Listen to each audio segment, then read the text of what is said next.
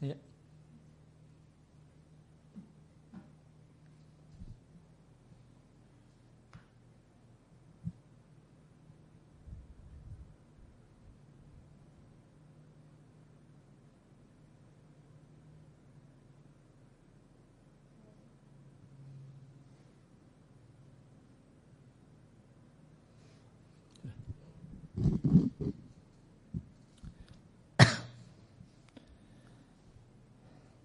Alhamdulillah wassalatu wassalamu ala rasulillah wa ala alihi wa sahbihi wa man tabi'ahum bi ihsanin ila yaumidin amma ba'd. Kaum muslimin dan muslimah rahimani wa rahimakumullah kembali kita lanjutkan membaca dan mentalaah buku Hakku Zaujain karya Syekh Syekh Sulaiman Ar-Ruhaili hafizallahu taala wa wafaqahu. Kita masih di halaman 11 disampaikan oleh penulis hafizallahu taala az-zawaju ayyuhal ikhwah pernikahan itu bukanlah inbiharan silau sesaat. Ini cantik cantik silau kemudian nikah. Ganteng memuka kemudian nikah namun pernikahan itu muamalatun daimatun interaksi yang akan berkelanjutan. Dan seorang ketika di rumah dia melepas ma yakunu mutalabisan bihi, semua yang dia pakai sikap perilaku yang pura-pura yang dia pakai di luar rumahnya. Maka di dalam rumah orang itu tidak bisa pura-pura. Di luar rumah dia bisa memakai dirinya, eh, menutupi dirinya dengan berbagai macam performan penampilan yang memukau. Ya taku bi insanin tutalibuhu bi matalibah.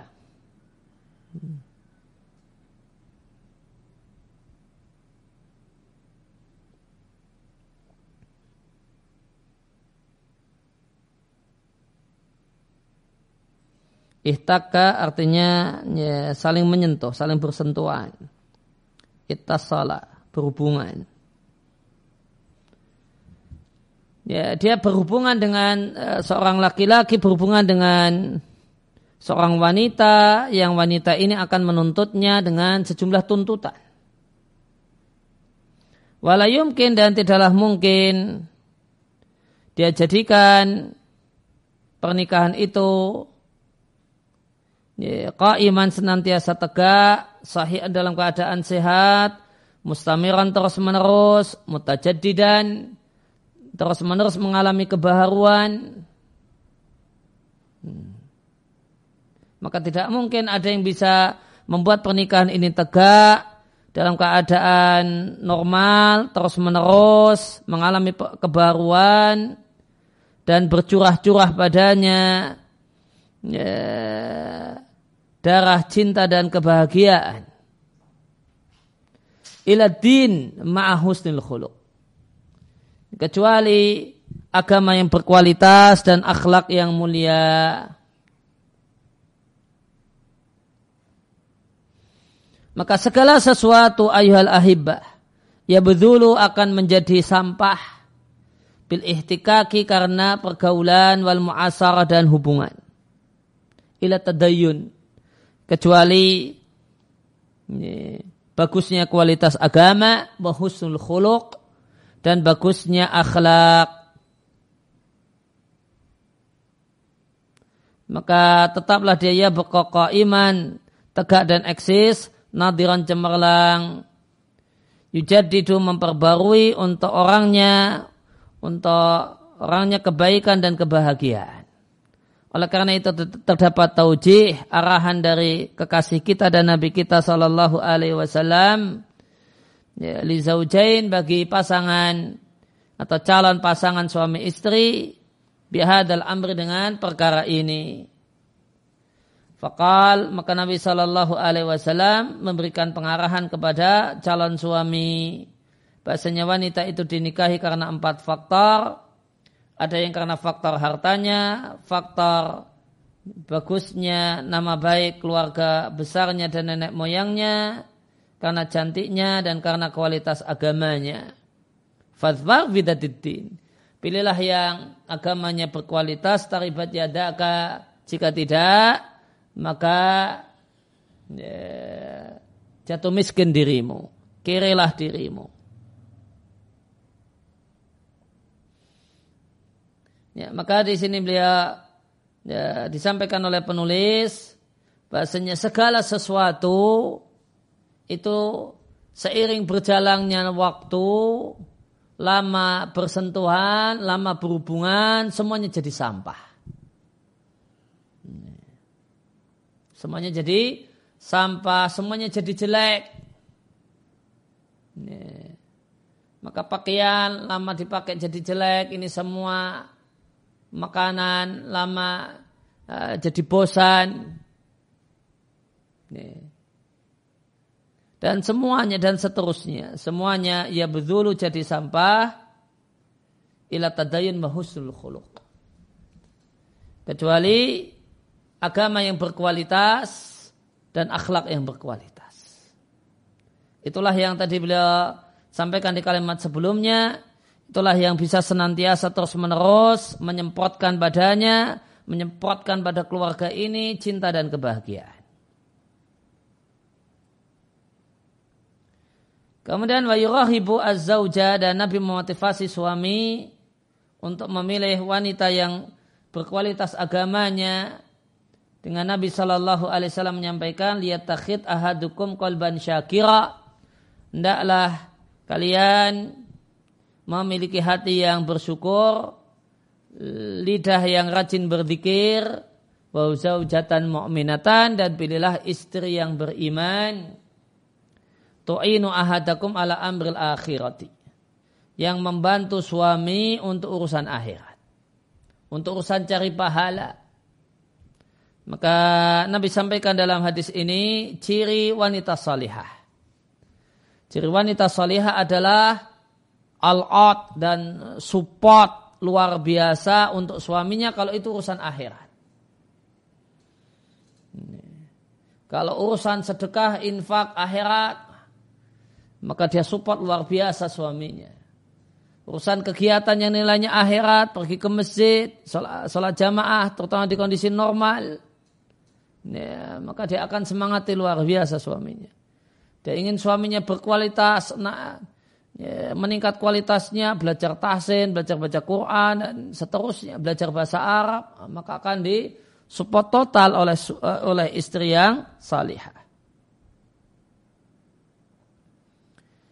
Maka di halaman 12 tiga perkara jika lengkap bagi Anda, jika terpenuhi bagi Anda tiga hal ini, maka terpenuhi dan lengkap bagi Anda segala kebaikan. Hati yang penuh dengan syukur. Dan ini adalah kunci kebahagiaan. Karena resep bahagia, syukurilah apa yang ada, syukurilah apa yang Anda cintai, eh, syukurilah apa yang Anda miliki, niscaya Anda akan bahagia. Itu resep bahagia.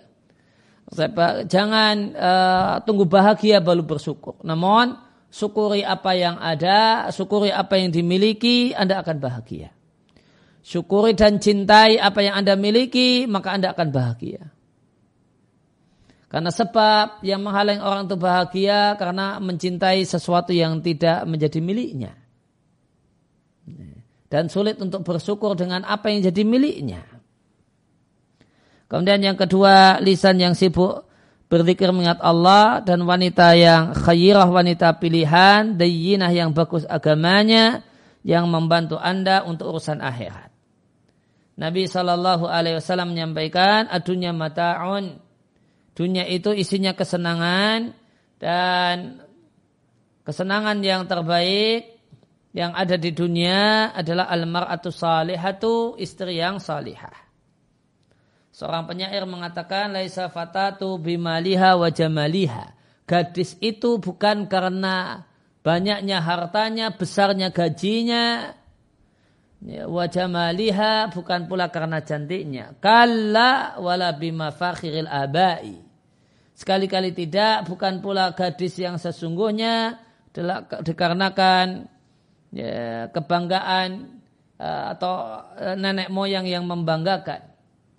Lakinnaha akan tetapi gadis sejati, gadis berkualitas adalah bi'afafiha. Adalah gadis yang menjaga diri dengan lawan jenis. Wabituhriha sehingga dia adalah gadis yang suci. Wasolahiha dan gadis dan dia adalah wanita yang layak wanita yang baik li zauji untuk suaminya wal abna'i dan anak-anaknya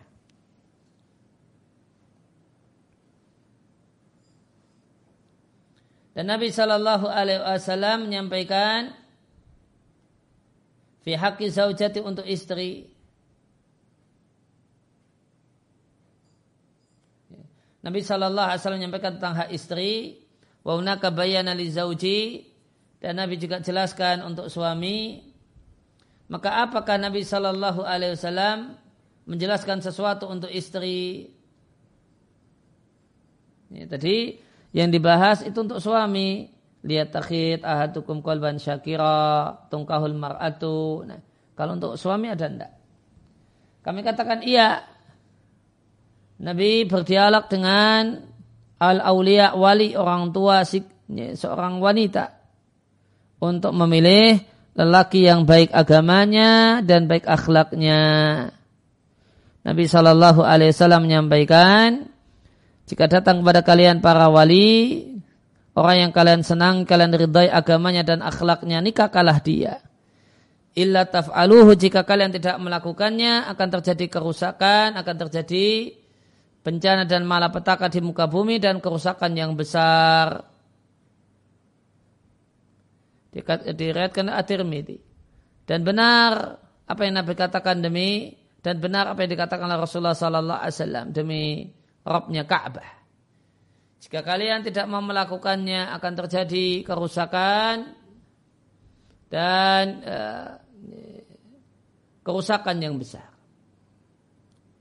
Artinya jika orang tua, jika seorang ayah tidak menikahkan anak perempuannya dengan lelaki yang berkualitas agamanya dan akhlaknya, maka akan terjadi fitnah. Ya, akan terjadi kerusakan. Apa itu kerusakannya? Ima boleh jadi dia nikahkan anak gadisnya dengan seorang laki-laki yang tidak punya kualitas agama, tidak punya akhlak. Maka apa yang dilakukan oleh suami seperti ini? maka boleh jadi dia akan seksa istrinya. Dia akan minta pada istrinya untuk melakukan sesuatu yang Allah haramkan. Dia minta istrinya supaya berdandan di depan banyak orang. Dia akan minta istrinya untuk pakai parfum ini dan itu ketika keluar rumah. Dia akan minta pada istrinya saat hubungan badan, hal-hal yang terlarang nekat ketika istri dalam keadaan haid atau melakukan anal seks dan yang lainnya.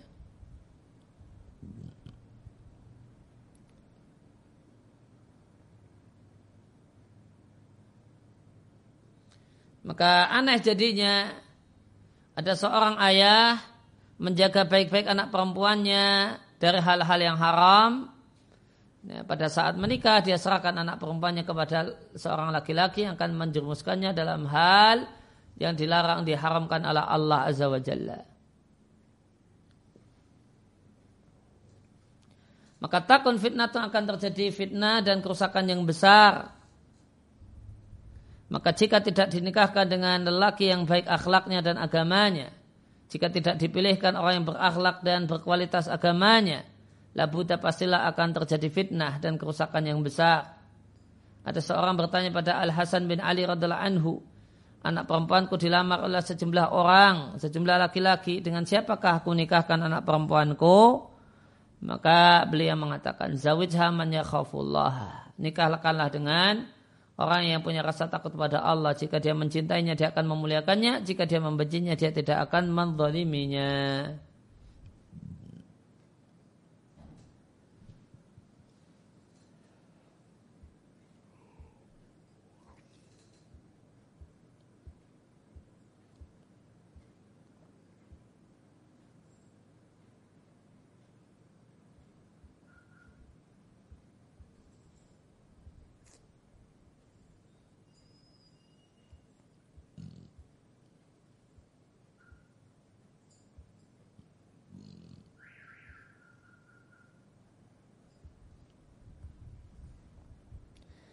Nah, uh, kemudian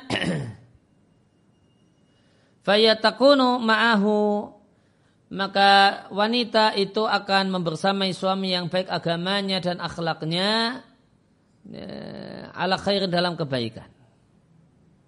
In ahabbaha jika dia jika suami ini mencintai istrinya. Jika Allah masukkan dalam hati suami rasa cinta yang besar kepada istrinya, maka laki-laki ini akan memuliakannya dan meninggikannya. Dan jika ternyata karena satu dan lain hal, lelaki ini membenci istrinya. Tidaklah masuk rasa cinta kepada istri di dalam hatinya, maka dia tidak akan menghinakan istrinya. Dia tidak akan mengembalikan istrinya kepada keluarganya. Dan tidak menzaliminya, bahkan menyikapinya dengan sikap-sikap yang layak baginya. Kemudian di antara hak, uh, hak suami istri atau calon suami istri pada saat khidbah maka seorang laki-laki jika ingin melamar dan Allah mengetahui isi hatinya dia ya ana yuridu haqqan. Dasarnya dia memang betul-betul menginginkan ya tekan tulus untuk menikahi. Ini tulus ingin menikahinya. Maka hendaklah dan tulus dan serius mau melamarnya maka dianjurkan bagi laki-laki ini untuk melihat calonnya supaya akad nikah dengan calonnya tersebut ala basiratin berdasarkan pengetahuan dan pengetahuan.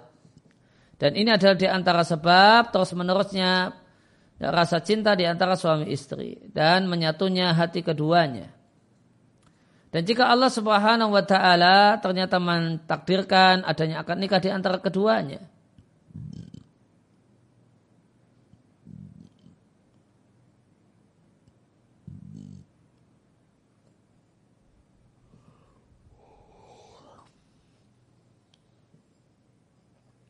Faida alamatil mar'u maka jika si pihak perempuan mengetahui anna hadha rajula inilah lelakinya.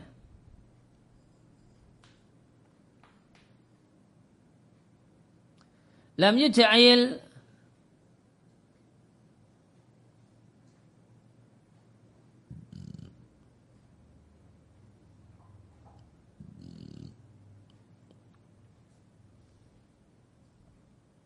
Tidaklah dia jadikan di depan perkara yang real terjadi.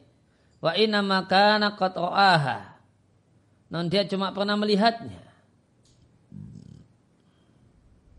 Wa kana fi min amrihi.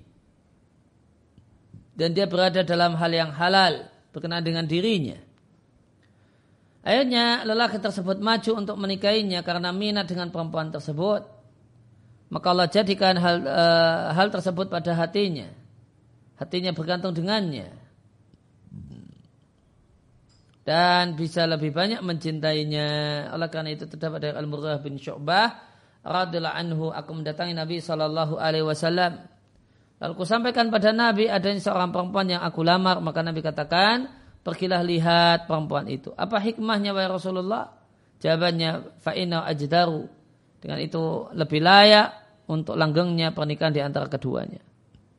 Dan Rasulullah sallallahu alaihi wasallam menyampaikan, maka jika salah satu kalian melamar seorang perempuan dan mampu melihat bagian tubuh yang mendorongnya untuk menikahinya, silakan dia lakukan. Wajah rajulun dan terdapat seorang yang menemui Rasulullah Sallallahu Alaihi Wasallam dan mengabarkan pada Rasul kalau dia menikahi seorang perempuan Ansar. Yuridu, uh, artinya dia ingin menikahi wanita Ansar. Lantas Rasulullah Sallallahu Alaihi Wasallam mengatakan, apakah engkau telah melihat calonmu? Belum jawabnya. Lihatlah dia karena di mata Ansar itu terdapat sesuatu yang bermasalah. Yakni kecilnya ukuran bola matanya. Maka di mata wanita Ansar ada sedikit asirar ukuran kecil. Lantas Rasulullah Sallallahu Alaihi Wasallam bersabda kepadanya, lihatlah dia hatta yakuna ala basiratin min amrihi. Sehingga dia betul-betul berilmu tentang keadaan dirinya. Ya, kemudian beliau bahas sedikit tentang uh, Ini ada seputar nadar. Yustaratu lihadi ru'yati maka disyaratkan untuk kegiatan melihat ini antakuna biduni khalwatin tanpa khulwah. Karena hadis-hadis yang melarang berkhulwah dengan eh, laki-laki dengan perempuan ajnabiyah bersifat umum. Sehingga seorang wanita tidaklah terlihat kecuali bersama mahramnya. Dan tidak ada dalil pengecualian kondisi ini. Dengan hal ini kita mengetahui kesalahan dua pihak ekstrim di tengah-tengah masyarakat. Yang pertama di antara manusia ada orang yang jika pernah orang yang diajak bicara itu mengucapkan la ilaha illallah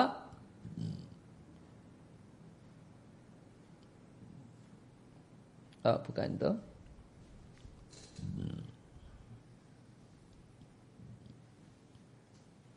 Wabihata dengan ini kita melihat kesalahan dua pihak dari manusia.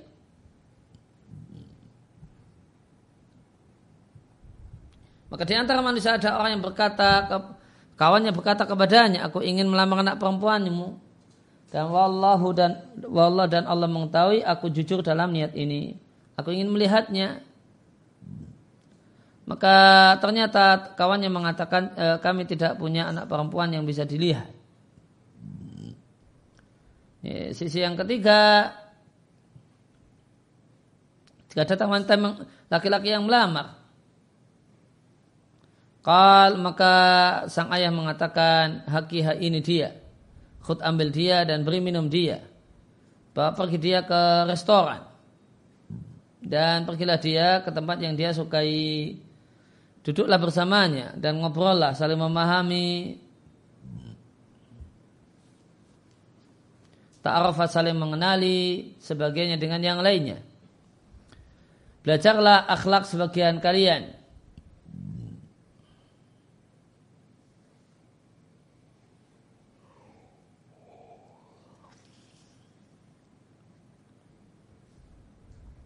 Hadil ghurfatu ijlisiha Ya, kamar ini duduklah kalian berdua dengan berdua saja. Tahadasa dan ngobrollah kalian berdua fiah di dalamnya.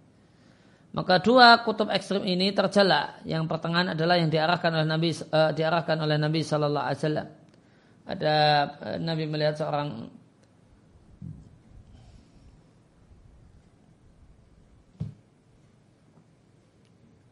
uh, seorang laki-laki memandang seorang perempuan tanpa tanpa berdua memandang si perempuan dalam keadaan dia bersama walinya dan boleh uh, mengintai-intai dan mengintai-intai si dia.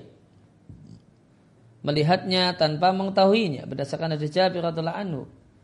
Aku melamar seorang gadis uh, ya, seorang gadis maka aku sembunyi-sembunyi mengendap-endap untuk melihat gadis tersebut sampai aku melihat darinya satu bagian yang ya, satu bagian badan yang mendorongku untuk menikahinya maka aku menikahinya dari Muhammad ibn Maslamah radhiyallahu anhu beliau mengatakan untuk melamar seorang perempuan, mulai aku mengintap-intap dia sampai aku melihatnya finakhli di satu pohon korma laha milik wanita tersebut. Kemudian disampaikan pada beliau apakah engkau melakukan hal ini dan engkau adalah sahabat Rasulullah Sallallahu Alaihi Wasallam sembunyi-sembunyi untuk perempuan dan dia tidak tahu tentang dirimu. Ya, maka respon beliau apakah engkau sahabat Rasulullah Sallallahu Alaihi Wasallam jika bukan aku mendengar Rasulullah Sallallahu Alaihi Wasallam bersabda jika Allah memperjumakan fi qalbi mri'in di hati seorang perempuan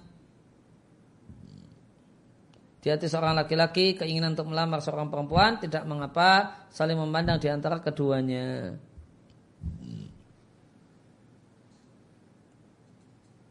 Ya, demikian kurang lebih uh, uh, mata yang bisa kita sampaikan masih pembahas tentang fikih seputar khiyar. Wassalamualaikum ala nabiyina Muhammadin wa ala alihi wasallam.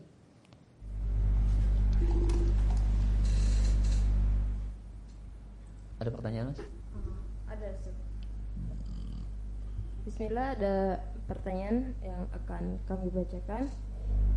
Hmm, yang pertama, Assalamualaikum Ustadz, apakah Apakah saya berdosa apabila memutus komunikasi dengan teman saya yang pernah berbuat hal yang sangat buruk kepada saya hingga saya sangat sakit hati.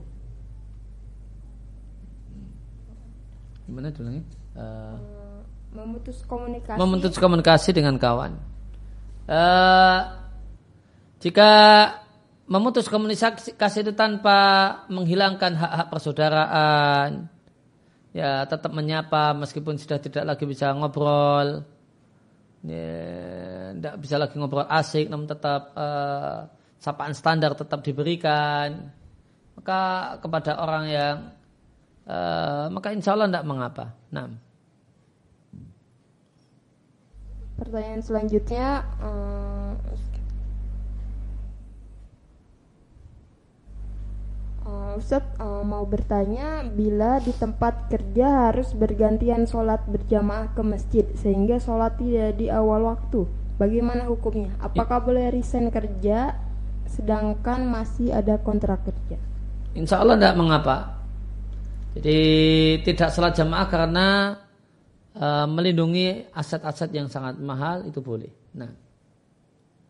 Uh, pertanyaan selanjutnya, bagaimana masih dari orang yang sama seperti bagaimana mendapatkan pekerjaan yang baru yang sesuai sunnah karena masih ada rasa khawatir akan rezeki bila bila bila resign. Uh, mohon nasihatnya Ustaz. Ya, pekerjaan yang sesuai dengan sunnah tidak perlu, tidak harus. Ya, pekerjaan itu yang penting tidak melanggar syariat, tidak harus sesuai. Nah, yang penting tidak melanggar. Dan pekerjaan itu yang tidak melanggar syariat itu banyak sekali. Terlihat sedikit itu karena gengsi. Buang jauh-jauh gengsi, maka akan banyak pilihan pekerjaan. Nah,